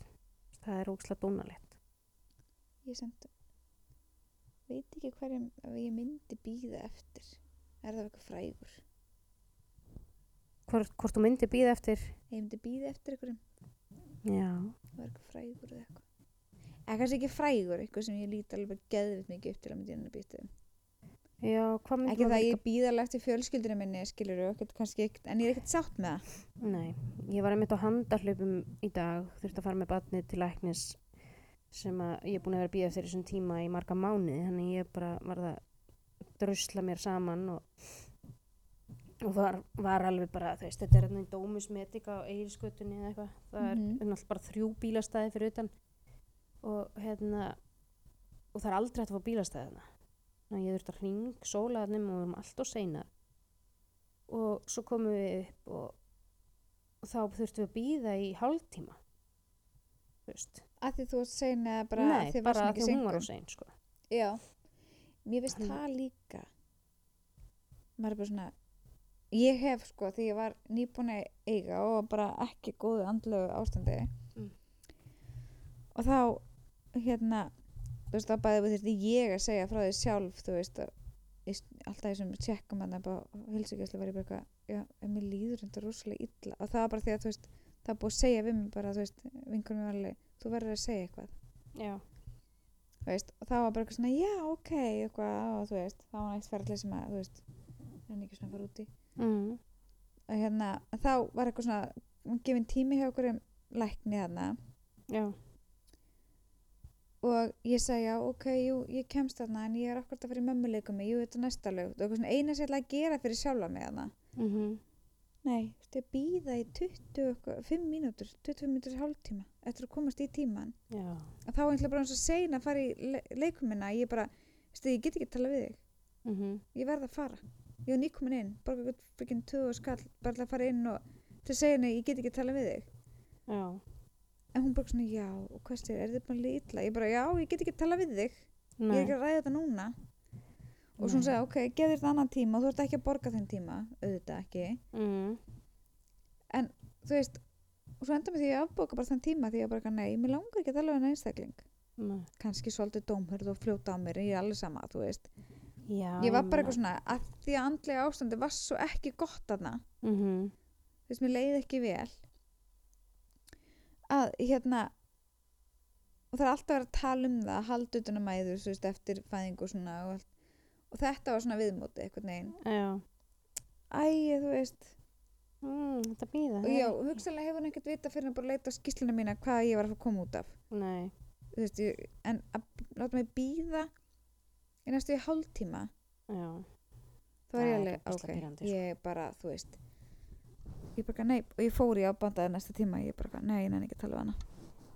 Vil það ekki. fóstu þá til einhvers annars já, ok, og það var bara því að, þú veist og ógstæðlega en það, veist, ég þurfti að leita bara eftir því sjálf að fá okkur aðstóð já, og ég þurfti að fara eitthvað svona krókaleir í það, þú veist, að því að þekki eitthvað sem þekki, þekkir eitthvað til þess að bara fá hjálp, já. Þú veist. Að að hérna, að þegar þú varst í fæðingurólu já, sko, ég var eftir sem sagt, fæðinguna þá var ég sem, sagt greind með hérna til að byrja með fæðingar þunglindi mm sem var það að tekið tilbaka. Nú, já, það var þetta bara svona álags þunglindi já, ok. Það var bara rosalega mikla breytingar og rosalega stutt um tíma. Já, en það vantaði ekkert upp á tenginguna við badnið nei en þú veist að, að það getur verið oft bara mjög mjög algengt að mömmu vanti tengingu við badnið og Já. upplifa svona, veist, farið gegnum fængu þunglindi en hjá mér var þetta bara allt í einu á tveim, innan við tvö ár ekki innan við jú, innan við tvö ár þá er ég bara orðin þú veist tvekja barna móðir. Já, þau varst náttúrulega ófrísk þegar þið byrjuðu saman. Hættu með þetta. Nei, ég hætt. við vorum bara saman nýju mánu og þú veist, og þegar við byrjum saman þá var ég ætla bara að bjó, bjó í ein og þú veist, það þurfti ekki að hugsa um þetta með raskat af sjálfri mér sko, nei. Þú veist, og ég bara þreif, þú veist, þótti mér sinni í viku vaska bara upp diski sem ég notaði og þú veist, í það að vera bara þó, þótt á hverjum degi þú veist, alltaf full vélinn mm þú veist, það var bara ógeðslega mikil breyting. Já, þetta er náttúrulega mikil breyting líka þú veist, komin á þennan aldur. Ég er þetta bara, þú veist, búin að vera ein svo lengi. Eða þú veist, ein, já, ekki með börn. Já, að hérna vera svo allt í einu og orðin tveggja barnamóðir já, og veist, og ekki, veist, fyrstulega hann að kynast unga barni mínu og svo með annað barn líka. Mm af því að hérna, þetta er bara, þetta er bara mjög þetta er bara mjög krefjandi. Já, það er kannski ekki alveg ætla að fara út í þetta en, jú, en, en það er hérna það á allt við rétt á tökum sér. þetta örugglega fyrir eitthvað tíma setna betur. Já, við þurfum að við erum alveg með heilan þátt í þetta verður svona heilsu maðra. Já og svo þú veist fyrir við líka í svona þú veist stjúpfóreldra Já, tengsl. Mm það er mjög gott að ræða það og ég held að það sé rosalega mikil þörf á því að, að konur séu svona aðeins upplýstar um þetta hlutverk. Já líka bara kallmenn sko. Já, þú veist. Þú veist en það er kannski svolítið svona þú veist þetta er alveg krefjandi þetta er krefjandi hlutverk. Mm en óbúslega gefandi líka. Já, getur verið það. Algjörlega. En hérna ég segi fyrir mig það setna Hérna, tímann er gott tækifæri. Mm En við ætlum að hérna Já, við vorum búin að tala um típurnar. Já það er bara þessa þú veist það er ég er búin að pæla svo ógeðslega mikið í típum. Þú veist kannski að því mér finnst finnst þér ekki þú ert orðin svona eldri. Mm. maður er fann að sikta svolítið út hjá sér. Bara fólk aðstæður þú veist þessum hluti sem maður er bara ok, þetta er ekki að henda mér. Þetta er ekki það sem ég vil. Nei. Jú, ég held að að maður sé svona kannski, ég held að þetta sé bara líka með auknum þroska og svona, maður er ekkert að, þú veist, ég nenn ekkert öllum, skilju. Og það er bara allt í lægi. Já, og er maður ekki að tala um það að maður þurfi að vera eitthvað með stæla leiðindi. þú þú veist, það er hægt að vera bara eitthvað, ok, þessa, þú veist, þessi típa, þessi manneski bara fer mér ekki Nei. og þú veist, en maður getur að kurteis og samskipti og Maður bara velur fólki í kringu sig. já, nákvæmlega. Það Það- það, veist, það er meira sem ég er að upplifa eitthvað neginn, Já. búin að upplifa svona síðustu ár, sko. Ég er líka bara einhvern veginn, að því að við erum veist, meðvirkar, komnar úr meðvirku umhverfi einhvern veginn. Maður Já. er einhvern veginn, ég hef alveg þurft að öll þessi ár sem ég hef verið til, þurft að læra að setja mörg, þú veist, á hvernig fólk kemur fram við mig, aðalega, þú veist, Já, já, já. og, og, og ég meit, hvaða fólk ég vil hafa í kringum mig. Af því að það má alveg, ég má alveg hafa skoðanir á því. Ég þarf ekkert að sætta mig við hvað sem er, eða En hvernig vínáttu sem er, eða whatever, skilju. En upplýður það ekki líka að, þú veist, fólk sem er alveg bara hella meðvert Mm og þú ert erfitt með það í kringu þig. Jú, jú, alveg, minnst þetta alveg bara oft er að mjög, Að því að meðvirkning getur komið út í þessu alls konar myndum mm og hún getur einmitt komið út í þessu, í þessum típum sem við höfum verið að tala um.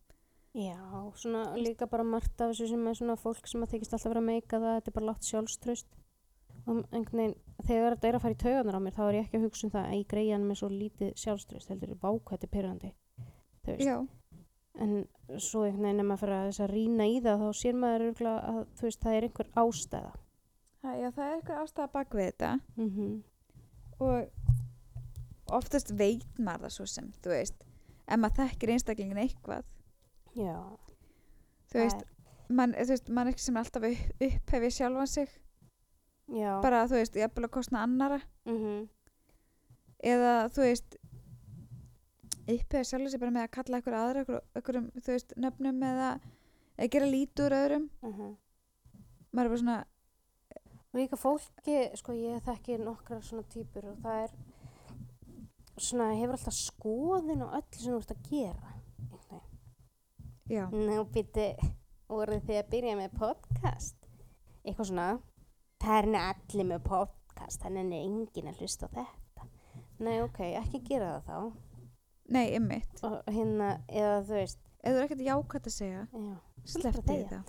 það er mjög gott motto og hérna, ég verð oft bara þú veist, og hérna á þessum síðum beauty tips og maðura tips og þetta Þú veist, það geta verið alls konar manneskir hérna, lesblindar og, og bara misvel gefnar og alls konar en það er eiga allir rétt á því að setja eitthvað inn en ég sé rosalega oft einhver svona konur konur eru konum vestar og það er ekkert grín sko, En konu getur líka úr konum bestar. er það? Já, Já, já, ég veit það en þú veist, veist, ég fer ekkert að því. En sko, konur geta verið samt svo ógesla, svona ég skil til dæmis ekki ef einhver setur status eða einhverju upplifun sína á hérna beauty tips eða maðra tips eða eitthvað. Þú veist, teljandi það, að hún sé þannig í örgu umhverfi, bara konur og engin leðindi, en það er bara svona að, að þú veist, þú situr við tölvunaðin einhver starf út í bæ og sjáir einhver veselingstelpa er að segja eitthvað og þú þurfir að setja undir. Ég skil ekkert hvað þú ert að skrifa. Þú veist, Ég- ertu ekki búin að klára grunnskóla? Segi, er þetta að segja? Nú er ég ekki ná þessu venjulega hérna fyrir allan aldur beauty tips. Nei, þetta voru 30 pluss sem ég sá þetta, sko. Í alvöru. Jesus Christ. og fólk ok. er bara eitthvað svona, ég skil ekkert hvað þú ert að segja. Bara, þetta meikar ekkert sens, eitthvað. Og Já, ég las þetta og ég er alveg, þú veist, eins og þú veist, íslensku nasisti og ég, að því að ég vildi skilja þetta, þá skildi ég þetta alveg og þetta var ekki svona flókið. Það voru ekkert einhver stafsetningavillur heldur tala og bara, skrifaði svolítið, svona slefti punktum, þetta var svolítið, bara svona, bara Já. í heil, heilli setningu svolítið, svona belg og byðu. En þú kannski var hann bara skilur- óðamála, hann var að skrifa þetta þannig. Já, þú veist, og bara, æ, þú veist, bóðskapurinn sem hún var að koma með var góður. Það var eiginlega bara bóðskapurinn var að taka tillit til annara og, og hérna, við vitum aldrei hvað fólk er að ganga í gegnum. Það var bóðskapurinn. En þá koma svona, allavega svona tíu konur. Ég, ég skil ekkert, um hvað ert eiginlega að tala? Ég skil ekki þess að, þú ég skil ekkert að því sem þú ert að skrifa. Og maður er alveg bara, Mér finnst það svona algjör óþrófi Legðu nú frá þér en, en ég kamelinn. hugsa samt ekki bara já, hvað er þessi kella að hugsa heldur mér hugsa alveg bara, shit, hvað er manneski að skrifa þetta Já, ég held að það sé máli en ég, bara, ég skil ekki hvatan Við skulum að fá þá konu í viðtal. Já, við erum að tala við, heyrðu, ég sá kommentaður hérna með einhverju stælum hérna. En svo er eins og, þú veist, þegar maður sér, þú veist, ég á það til sem maður kíkja eins og við fréttir eitthvað starra á því eða eitthvað, mm, þar sem maður getur kommentað, Já, það sömu kallarnir. Þú veist, Já. maður er bara svona, eigið ekki fjölskyldu, þetta verður pappi mér, verður bara pappi er þess þú það aðeins. pappi minn er svolítið virkur í aðtöðsendum og það þýðir ekkert að segja neitt. Nei, ég hef ekki, en veist, nei, ég hef ekki séð pa- eins og pappa þinn, þú veist, við fréttir og svona, Nei, nú er ég með hann á Facebook. mhm, að verandi að kommenta alla fréttir þá er ég bara svona ég man eftir pappi sagði bara ég er bara fann að hlusta svolítið um út af sögu ég bara ekki, ekki, ekki fyrir að vera þessi kall núna mm á eftirlaun. Eða þú veist reyna hann er bara hann alltaf að segja mér sem fann eftirlaun svona alltaf bara já er hann að vinna það sérna að hérna ég bara ekki verið þessi gauður sem situr bara heima fussar og sveigjar og við út af sögu. Ógisla reyður og það hérna gera sudoku bara please. Oh, Það er svo gaman að gera dú að hérna, já já En geggjað, þú veist röglega en ég Ég- er bara ég- svona þú þessi já, þessi típa sem er bara eitthvað þessi típa er til og ég, mér finnst við þurfum bara að fara í einhver svona herferð. ef þú getur ekki sagt þetta í andliti á mér. Sleftu þá, skilur við kommentar eitthvað sem þú getur ekki sagt framan í viðkomandi hún stæði fyrir framaði núna sleftu því þá, þú veist. Af því að, að það er svo oft eitthvað sem að bara, það vantar nú eitthvað í þessa sögu. Einhver í viðtali, einhver svona rosalega þú veist, var misnotaður eða lent í ykkur skelfilegu og segir sína reynslu. Það er nú eitthvað sem vantar í þessa sögu. Kemur einhver svona með einhver svona þú veist, ég sá um daginn, það var einhver maður sem hafi greinilega verið með einhvern svona fake account. Hann kommentaði fyrir neðan einhverja frétt hefur svo alltaf skipt um aðgang og kommenta á sitt komment og kommentaði þú ert aftur á sjálfan sig. Ég er nú sammála því Sigurður eitthvað svona með sama þú veist, ég var bara svona Jésús hversu mikið douchebag ertu bara hversu mikið frítíma hefur hvað, þú veist, og er fólk bara eitthvað svona situr við töluna alveg eins og veist, þrumuski og þegar það er búið íta og endur og setja kommenti þá er alveg svona já, þetta var mín útrás í dag. Eða þú veist, hvað, ég vil liða mig vel. Djöfull er þetta gott. Ha, ég þetta Ha. heyra það. og já, svo skili býðurðu pilsner núna. Já, svo býðuru farðu þarna í símaðinu eða eitthvað. Þessi kommenta á statusinu sem þú varst neða þá bara svona fyllust aftur þessum eldi. Og svo, yes. Aftur. þú veist, ég held að þetta sé eitthvað svona spennufí ég held það, eða þú veist, þú ert bara fáiði annarkvort við erum að tala um þess að réttlætu reyði réttlætanlega reyði þess að bara eitthvað svona búin að telja þér sjálf um trúið það að þetta þessi reyði í sem ekki rétt á sér Já. Ég held að reyði sé bara svolítið mann skemmandi. Ég held að sé ekkert til eitthvað sem er góð reyði. Mér finnst alveg réttlætanlegt að vera reyður út í, þú veist, fólk sem að, hérna, fer ítla með börn eða dýr eða eitthvað. já, já, En, þú veist, þú verður samt að sleppa tökunum. Þú heldur ekki áfram í mörg ára að vera reyður út í gaurana sem skáru sporðin af hákallinu til dæmis. Þú veist.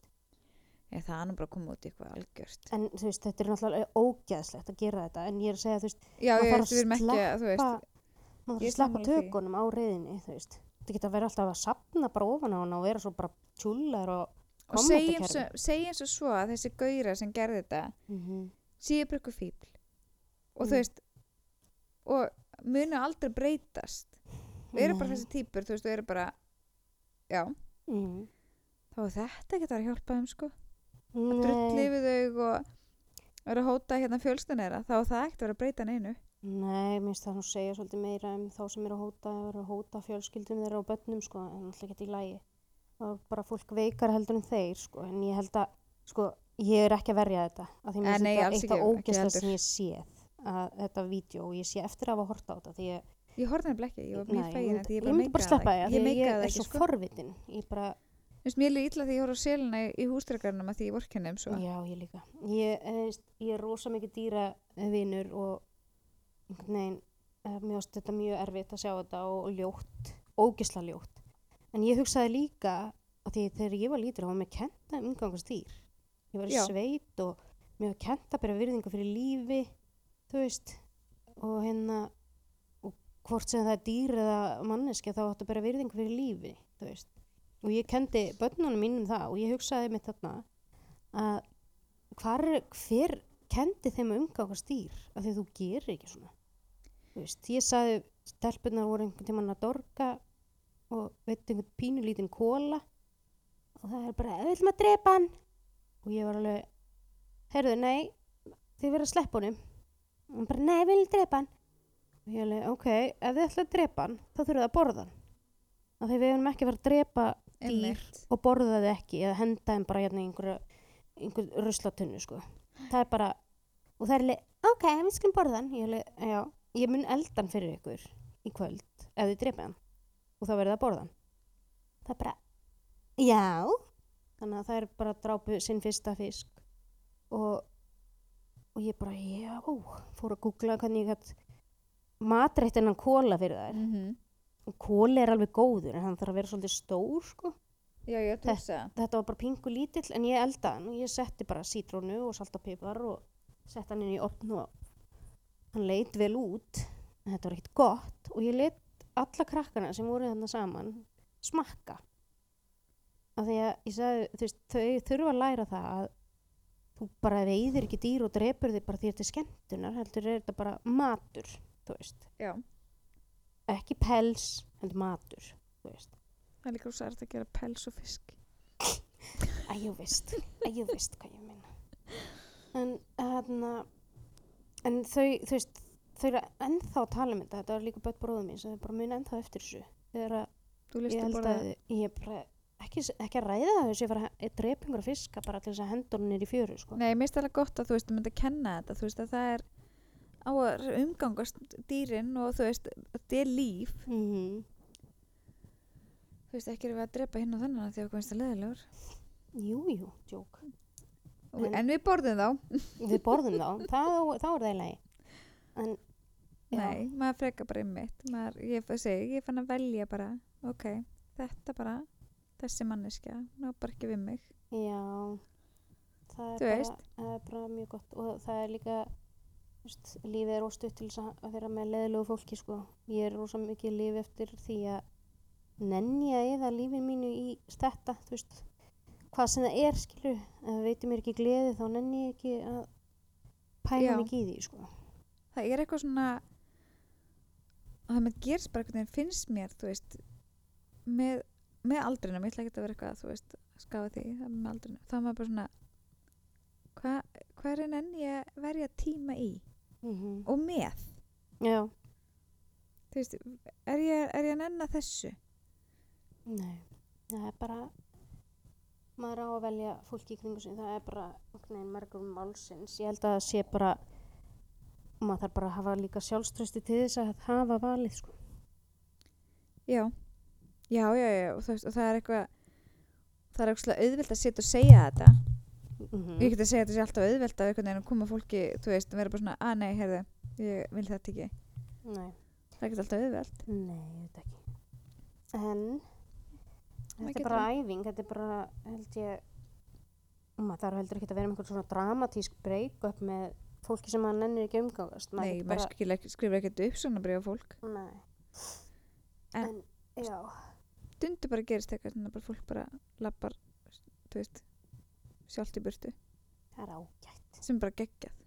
Það er bara best, þá er það bara vera þannig. En svo er náttúrulega fólk sem að, þú veist, maður getur ekkert alveg losa sig við. Ná, fólk sem er alltaf í lífiðinu og mun alltaf vera í lífiðinu. Er þetta alveg manniðin? Já, Þú valdi sjálf að giftast honum. já, og ég, ég seldi sál mína og líkama til hans. Það er bara rosa ves að skilja. Því nú er skilja. lagalega búin að binda ykkur saman. Ég er ekkert að fara að skilja. En ég myndi, þú veist, ef ég mun langa að skilja, þá myndi ég ekkert fara að láta eitthvað vesen standa í vegi fyrir því. En það er ekkert á dagskráni. En ég er að meina fólk sem er bara blóðskildir. Já, já, já, það er, það er rosa margir sem eiga aðstandendur sem að það nennir ekkert að hafa En- í lífi sínu er það ekki þá bara þannig að þú veist, ég held að sé betra þá í svoleiðis aðstæðum að vera bara, ok, þessi manneski er svona, mm ég ætla bara, þú veist, að sætta mig við það að hún er svona. Mm. þú veist, ég ætla ekki að reyna að breyta henni ég ætla bara að taka henni eins og hún er. Já, ég held þú verður að gera það til þess að meika þetta sko. já, ég held það líka. Það bara svona er þessi einstaklingur. Þú veist og bara ég ætla að elska þann einstakling fyrir það góða sem er til Mm. henni. Nú ef það er ekkert gott. að þá bara Já, þetta er bara að sleppa að elska jú, jú, það var allir eitthvað gott í sér já, já. Þó sé ekki nema bara, þú veist, hann lokar klósettinu eða hún á eftir sér og skápunum í eldhúsinu. Skilur ekki alltaf eftir opið. Tjók. þetta er svo dramatískt. fallegt Við erum á, við erum á rosalega svona, svona dramatískum nótum, finnst mér allt í hennu. já, við hérna Á ég get sem- dramatískum nótum. Ég get nú sagt eitt, eitt skemmtilegt ég, eða skemmtilegt síni hvað hvað ég er mikið bjáni Mm. ég er mitt sá á einn svona síðu í dag Já. þar sem var sett nafnlust inn einhver að spurja um, um klamidíutest hvort það þyrti að hérna fara þú veist til læknis til þess að fá strók og tjekka á þessu Það er að taka strók, er það ekki þvápröfa? er það, er það strók? Ég veit það ekki. ég veit það ekki ég, eða þú veist allan svona hún, var, þú veist, hún sagði strók Hún vildi kannski bara strók, ur. en ég var næstu búin að skrifa. Að hún segi, er engin önnu leið? spurði þessi mannskja er engin önnu leið, já, Mm. nafnlaust. Er engin önnu leið til þess að fá þetta í gegn? Og ég langa, ég var, veist, ég var byrjað að skrifa. Mm. jú, það er önnu leið. Pissa á kaktus. Og ef hann drefst þá ertu með klamidíu En En þú voru að setjast á hann. en ég gerði það ekki Nei, þá hefur verið svona eins og, ég skil ekkert hvað þú ert að segja. Hvað ert að reyna að segja? Hvað ert að Nei, reyna þú að veist, tjá en hérna kaltænilega skila sér mjög illa. Við, Já. við erum bara að reyka okkur á það. Já, já, já. kaltæni skila sér mjög illa svona netinu en ég í staðinn þú veist sagði vinkurum minna brandara. Mm og hún sagði segði þessari manneskju líka. Ef hún, ef hún ef hún líkta pissinu sínu ef hún líkta eins og annars þá er hún að borða minna binna af annars. Já, þeirra líkt af þvæmann sér svo annars sem að borða nú mikið af annars. ég veit það nefnilega Mér ekki finnst þú eittir að vera búin að tjekka á þessu fyrir næsta þátt. já, mér bara finnst ekki droslega gott að borða ananas Nei, mér finnst hann ekkert sérstakur. þú veist, ég er um svo að þú veist mér finnst það ekki eitthvað vondur mér finnst það ekki byrjast að góður heldur Nei, hann skrítin áferðanum og rosalega, mér finnst svona, að ég veit það ekki. ég reyndi að borða annars til að koma mér að stað þegar ég var ólétt Ananas. Já, víst á eitthvað virka, virkaði ekki neitt sko. Mm. Það er alls konar sem á að virka. Ég held að þessi ráðsjö öll gerða einhverjum brandarakalli. Já, þetta er einhvern er sem þetta stunda kynlíf, mikið kynlíf. Hver nennir að stunda kynlíf með reisastóra kúlu? Stundaði mikið kynlíf og sæði, það verður, veist, það mun koma að stað. Pottet. Eða nutta iljarnar, maður situr hann að nuttandi á sér iljarnar og, og ég stundandi kynlíf. nei, veistu hvað samt Mm. kvöldu árin ég fór að stað þá fekk ég nutt frá hérna frængu mannsins míns. Og gerfur stundar. nei, hundar ekki. Finnst þú svolítið svikin? En já, já, Mm. hún hérna nuttaði á mér þú veist, og ítti okkur að punta hérna á mjóbakina mér. Ég var komin að stað daginn eftir. Hvort það hefði verið tilvíðun, ég veit það ekki. Ég veit það ekki. Gefur hún svo út fyrir að vera er nuttakonu í gang? já, Já. hún hefur reyndar Nuttkonan, reynda nutta hún líka hina basmár mannsins míns aðeinslegt. og hún fór líka í gang eftir það Hún nuttaði líka basmóður mannsins míns núverandi. Þessi konur er ekki til Nei. Jú, En það væri þetta of gott til að vera satt að konan gengi bara um og nuttaði ófríska konur. Þannig að ég allavega fór ég að stað, það var ekkert að gerast þannig en hún myndaði mig þannig Það að, stundar kynlíf. Nei, ég gerði það ekki Eins og enginn væri morgundagurinn. Af því ekki, það ekki, í ekki kvöldi áður allavega Nei, en alla daga fram að því, alla meðgum. alveg, Aldrei. bara batni var valla að koma út og hún byrjaði aftur Új, új drókislegt Uh, ég heyrði mitt eitthvað svona ráð hérna, nutta gerfurnar og nutta hérna, iljarnar. Reyndar komið alveg að stað samdráttum, sko. já, En- það kemur að samdráttum með svo er spurning bara hvort það endist eitthvað Já, og þú veist, og þetta með, ég er svo vissum að það er eitthvað gaur, þú veist, ég býð eftir að fá að heyra bara, já, enda þannig með koma af stað fæðingum. þú veist, þá er ég alveg, ok, þú veist, þetta er greinlega einhver kall sem er að búa til þetta fílar að horfa konur hor, nutta á sér brjóstin og eitthvað og Munnmög með makaðinn, gefi. stundar munnmögg af áferrikju Új. Alveg frá settum degi. Þá er til lagi. en þú mátt ekki fá munnmögg þú verður að veita þau Já. Neini, alls ekki fá þau. þá Þetta var bara að stoppa þetta allt Það var mýta. Þú fengir, fengir hérna fullnæðingu myndi koma að staðin. Það er mýta. það er, það við. Makinn- ég ætla að koma svona einhver í gang við þurfum að gera það koma eitthvað svona vissir þú erna uh, ef þú borðar tíu kíló af kanil þú verður bara að borða þetta allt í einu Það er eins og ég var að segja þegar ég var, þú veist, græntist og því ég fór græntist að því að, en var ég kannski búin að segja frá því. nei, ha, hvað? Ég ætla að misti þarna, þú veist, einhver næstu 40 kíló. þegar þú varst næstuð í 100 kíló Já, og þá hérna var það, þú veist, að því ég tók að- þú veist, ég fór að vinna í sjálf mér, ég var með svo mikið kvíða. mm. Og svo fór ég bara, þú veist, kjölfarið, þú veist, fór mér að liða betur og þá, þú veist, ég ég hjálpaði það Homeless og Æ, ég fíkju. get ekki gert Nei, þetta, þú veist, það kvíði svo. homeless og fíkjukeks, þetta var bara eitthvað sem ég var bara húgt á. Já, Mm. að hérna, og þurfti þetta ekki og fór að hreyfa mig og eitthvað. En þú veist, ég fyrst þurfti ég að, taka til og laga, þú veist, og fara í gegnum það að vinna í kvíðanum eitthvað. Og svo fann veist, konur í kringum mig að fara að taka eftir þessu bara, guð, lítur svo vel út, hvað, hvað, hérna, hvað, hvað, hvernig fórst að þessu? Mm. Og ég bara, heyrði, þetta nú bara, hérna, smá vinna, ég, þú veist, fór ég með ekki kvíða, ég ætti að fara að vinna í kvíðanum og þegar leiðu ég bara að segja það, þá sé ég bara svona að vona neistan slakna í augunum þeirra. Mhm. þú veist þannig ég var bara tímbili farin að segja þú veist ég heyrðu hérna eplaedik hérna á hálft glas eplaedik hálft glas vatn og bara þambar þetta mótnana. Og þú veist þetta bara rennur af þér þetta er reyndar held ég satt sko að það sé nota sem eitthvað svona eplaedik það var kannski ekki hálft glas eplaedik það er ógeslegt mm veist- hálft glas? En sko taktu tvær matskeiðir að af frostlegi að fólk nennir hvort ekki að hlusta hvernig ég gerði þetta. Og alltaf því ég sé svona fólk eins og að þú veist í sem biggest loser og svona mm. það er alltaf eitthvað andlegt undirliggjandi sem þarf að vinna í. En fólk já. er bara svona eitthvað ó, ég ætla bara að þú veist að leipa þetta að mér og svo er það núna, þú veist, þegar ég sé fólk það eru ótrúlega margir að fara í svona aðgerðir. Svona maga hjáveitu bands aðgerð er maga hjá út ermabands aðgerð hvað er þetta ermaband? Ermaband, er það svona eins og fyrirliðir með í Nei, fókbaltaliði það er, það er hérna er hjávita aðgerð, það er hérna magabands aðgerð svo er svona maga ermi ég veit ekkert munn á þessu. Maga ermi þannig ég seg- segi alltaf magabands ermi er magabands ermis hjáveita en hérna, hjáveita við er- svolítið á hjáleið. En ok, já er, þetta er held ég eitthvað.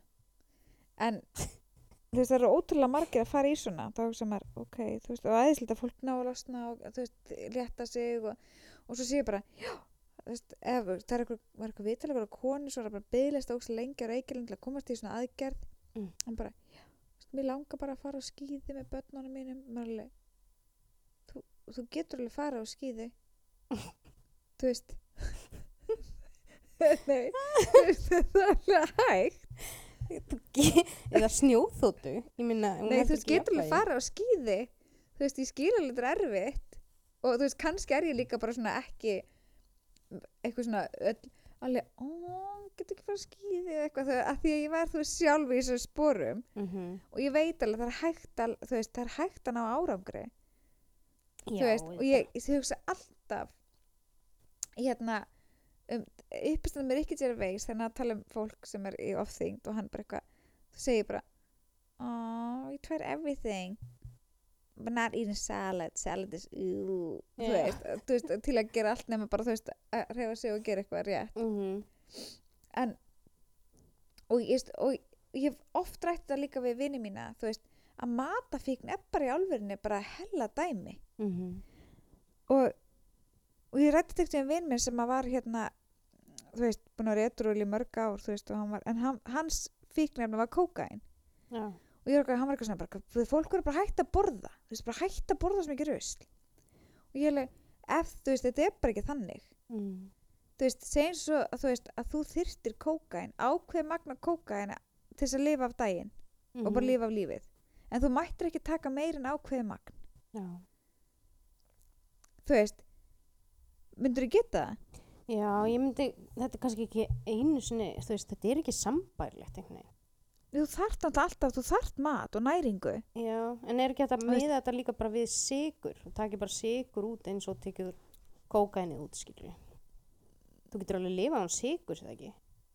nei, ég held að þurfa eitthvað sigur Uh, þú veist, það er og svo er bara orðið sigur í svo ógislega mörgu og matur er alltaf verið fram og matur er svo félagslegur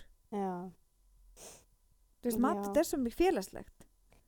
Fyrir mér er sko, matur er bara ég að nærast, sko. Ég já, það er bara ekki allir svo þú. Nei, ég veit það. Uh, hérna, þú ert skrítin, nei, ekki úr svo kitta ég er bara hérna einhvern veginn ekki alin upp við einhverjum svona rosalega matamenningu. Þú veist, ég var bara í heimaðastarkóla og svo Já. bara, þú veist, það var bara til það sem var til, skilur á heimilinu. Og við vorum ekkert eitthvað nei, við áttum enga peninga og mamma og pappi þurftu bara að retta þessu einhvern veginn, þú veist. Já, einmitt. En hérna, ég held að það sé það er sann, nei, ég held að skipta ekki máli ég held að þú veist að fólk sem er búið fátökt yfir yngra eða þú veist er lítinn mun að það er að höfður alveg geta alveg orð, þú veist, hafa orðið áfætti sjúklingar setna mér sko. Já, ég er þetta er alveg bara alveg ótrúlega vandað dæmi skilur þú veist að Mhm. fara í gegnum þetta ferli. Já, en ég held bara að fólk samt- vilji fá skyndilausnir. Þess vegna vill að fara í einhver aðgerð og rinja bara á því kílóin, frekar heldur en að, já, ég byrja á því að fara að vinna í sjálfur í mér. Veist, þá er fólk alveg bara svona, nei, þetta uh, tekur á langa tíma, uh, en sko það var það sem ég var að segja veist, ég hugsaði mér ef hann langar að skýði þá er það bara frábært. Kannski myndi það mér svo bara hjálpa. Já, það myndi kannski ekki þú veist, Já, ég bara, þú veist, ég þóri ekki að taka þátt í þessu því ég má það ekki, því ég hef aldrei verið feit. nei, Þannig að ég ætla bara að lega þér að vera með þennan bolta. takk. Og, hef, og það er sko og ég, þetta er ógeðslega var ógeðslega erfitt. Þú veist, en þegar maður fór að þú veist, að rúlla af stað og Mhm. missa kílóin, þá var þetta ekkert erfitt. Nei, en þú veist, ég fór líka að hafa gaman allir sem ég var að gera. Ég er líka kannski bara þú veist, er, þú veist, þú væri léttara áður þú finnur það. Já, allt miklu auðveldara. bara já, ok, þú veist, ég er ekki að drepast að labba upp hérna tvær hæðir Mm Já, ég, ég nein, meira þannig að ef að mér líður illa þá bara verð ég ekkert svöng. Það er ekki það að ég sé að svelta mig, að refsa mér að því mér líður illa, heldur bara hérna líður mér kannski illa eins og þegar ég hef verið standi í einhverju sambandslit með eitthvað, þá bara rinni að mér kílun, þá bara svona, er þetta að svelta þig? Nei, veist, þetta er rosalega mikið, við myndum ekki tala um það, að það má alltaf segja við fólk, þú veist, rosalega ertu orðin grönn, ertu að borða. Og ég að segja við einhvern þig rosalega ertu, já, ég veit, hvað það ert ekkert nema skinn og bein. Maður, ef maður myndi það- segja þetta við þú rosalega nú að skafa þess af þér Ég bara, ég ætla ekki að þekki þú ert afmyndu að spiki. Þú veist, hvað verði sagt við mann? Þú mátt alltaf segja þetta við þá sem eru grannir. Þó Já. að rembast við að bæta á sig. sko, Anna bróða minn hefur alltaf verið bara mjög grannur Mm. og ég man að hann var svo ógíslega full yfir þess að því að hann var, að vinna, hann var að vinna sko spítala Mm. svo var að vinna á hérna bráðumóttökuna eitthvað hann var yngri og það kom eitthvað kona það bara, þú ert þess að býja að fara bann þess að maður bara svona já, þú veist Þú ert eins og hafi lengt í síru árás. Ymmið, þú veist hvað, þetta er bara má bara segja þetta Nei. þú ert að fara að bæta þess á því alla, þú veist Þetta er eins og fólk finnur sig oft knúi til að segja við mig bara, já, þú ert svona lítil. Já. já, en geta, þú ert svo lítil En mér er alveg sama. ég bara, þú veist, á ég að segja, já, þú ert svona feit. Eða Já. þú ert með svona miklu undirhug. Ég held að þetta væri bara myndirnar, lélega myndir. Já, já. Já, þú ert með nefarn undir þessu öllu saman að hérna, Bara ertu með svo mikið nakkaspik. Ég held að þú væri með hettu. guð, ég held ég var að horfa framan á þig Oj, En þú veist, þetta er bara svona, í- mér er alveg sama þessu lítil. Ég er alveg búin að jafna mig á því. Þú veist, það er, ég, hérna, já, já sá það þegar ég hætti að vaksa að það væri ekkert við þess að gera. Nefn að fara í, þú veist, sásöka fulla aðgerð til Rúslands Leng- og það var ekki það sem ég var að gera. Ferður Rúsland var ekki í Japan? Í Rússland held ég. ég bara, að maður hann fór sem að dörgur og vildi kæra leigubíl. Já. Vildi kera leigubíl. Hann vildi ekkert meira í lífinu en að kera leigubíl. Nei, hérna ég sko einmitt ég á rosalega erfitt með að einmitt hérna þegar fólk er svona einmitt eitthvað, já, mér langar bara svo ég er bara að býða, býða til að komast í þetta. Þú veist, þess aðgerð og eitthvað maður alveg, en hvað ertu að gera í millitíðinni? allar ekkert að hætta að borða? Já, nei, þú Nei, ég veist bara, ekki en er ekki þú það til alls konar prógram að gera alls konar? Mm -hmm. er ekki hægt að gera það? getur þú byrjað þar, kannski tekið út úr rjóman Já, eða þú veist, kannski lappa taktu röru úr rjómanum. Ok, ok, frá erum við þetta, erum ekkert samt svona ég er ekkert svona brútal með þetta. Ég hef alveg, þú veist, ég hef mikinn skilning á þessu en hérna Er þetta er bara, fyrir mitt leiti er þetta bara þetta byrjar alltaf okkur svona andlegu. Og svo magabands hjáveitu aðgerð Ma- ermis, magabands ermis, ermis hjáveitu aðgerð er það En- lengra heldur en vegamanna við vennu en skúr eitthvað? Já, öruglega já. En, já, við kannski láta þetta vera botnin í þessum þætti. Mhm. allir haldi í sig ykkur Ég ætla að fara heim og hérna taka, að vera veik. Já, bara vera með hór út á kinn og eins og ég ekki hafi að verið drein upp úr slotinu Ég ætla að taka hérna, ég ætla að sóttrisa hérna allt eftir og ferð. Ég myndi gera það. Þú veist, það er ekkert bara kvefið sem er að mig sko. Alls konar annað, annað úkið Varstu með að prófa að pissa á kaktus? ég er búin að pissa á kaktus, hann draf strax. En- Fullt að þér. Ég held ég vera vökvan Við ætlum að sjá um næsta þetta hvort að kitta sé á lífi en þó. já, takk fyrir. Bye.